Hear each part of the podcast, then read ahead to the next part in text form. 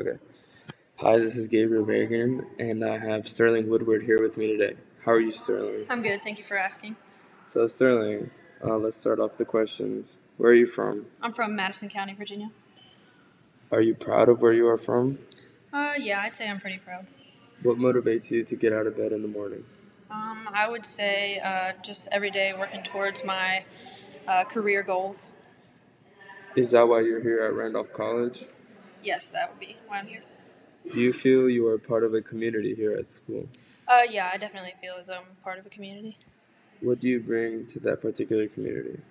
Um, you know, uh, I would say I'm part of the soccer community, so just being a part of the soccer team, uh, you know. Cool, cool. Do you believe others will notice the impact you will make in this community?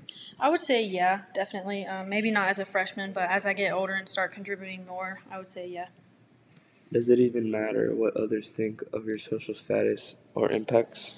Um, I wouldn't say uh, it totally does, but maybe a little bit, yeah. Is being self aware of your accomplishments enough? Um, I think it depends on uh, like what you do. Um, some things you want people to know about, but not everything.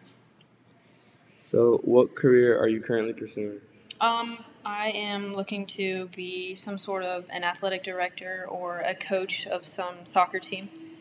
Do you believe social status will be important in the career you choose? Um, I think it depends on where I go um, and which one of those career paths I choose to pursue.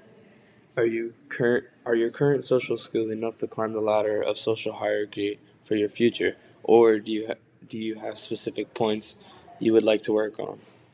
Um, I would say that um, I think what I have now is maybe not enough, but um, it's okay. I definitely could work on, uh, you know, talking a bit more, getting a little bit out of my comfort zone, but that's about it. Okay, thank you very much. Yep.